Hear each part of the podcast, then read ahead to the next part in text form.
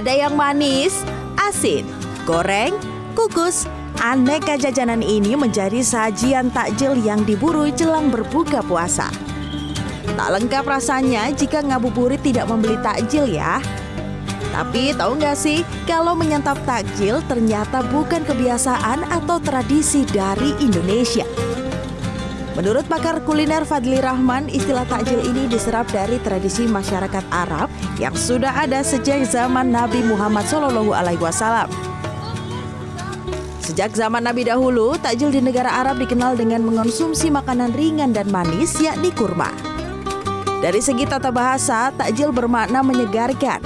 Namun dalam konteks puasa, takjil bermakna menyegarkan berbuka puasa dengan makanan yang manis khas daerah tersebut uh, kayak gorengan, habis itu kayak kue kue tradisional gitu yang manis-manis sama minuman juga minuman yang uh, kayak es jeruk atau sebuah gitu sih biasanya.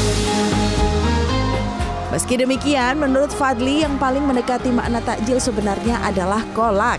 Uh, di sini nggak tumbuh kurma ya, tapi di uh, di sini banyak uh, banyak pilihan untuk membuat aneka olahan manis seperti kolak ya sehingga berbukalah dengan yang manis ini nggak selalu dengan kol, uh, kurma, hmm. tapi bisa misalnya dengan uh, kolak.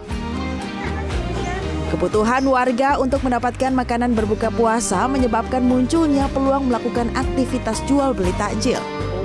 Ketua Umum Asosiasi Antropologi Indonesia, Suraya Afif mengatakan bahwa bertemunya faktor kebutuhan antara pedagang dan pembeli menyebabkan munculnya titik-titik penjualan takjil di kota besar. Kenapa itu muncul ya? Karena kebutuhan kembali gitu ya.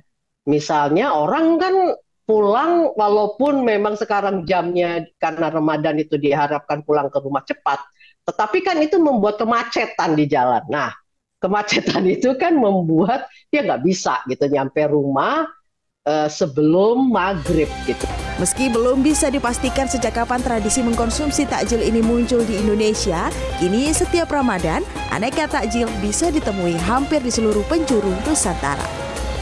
Tim Liputan CNN Indonesia.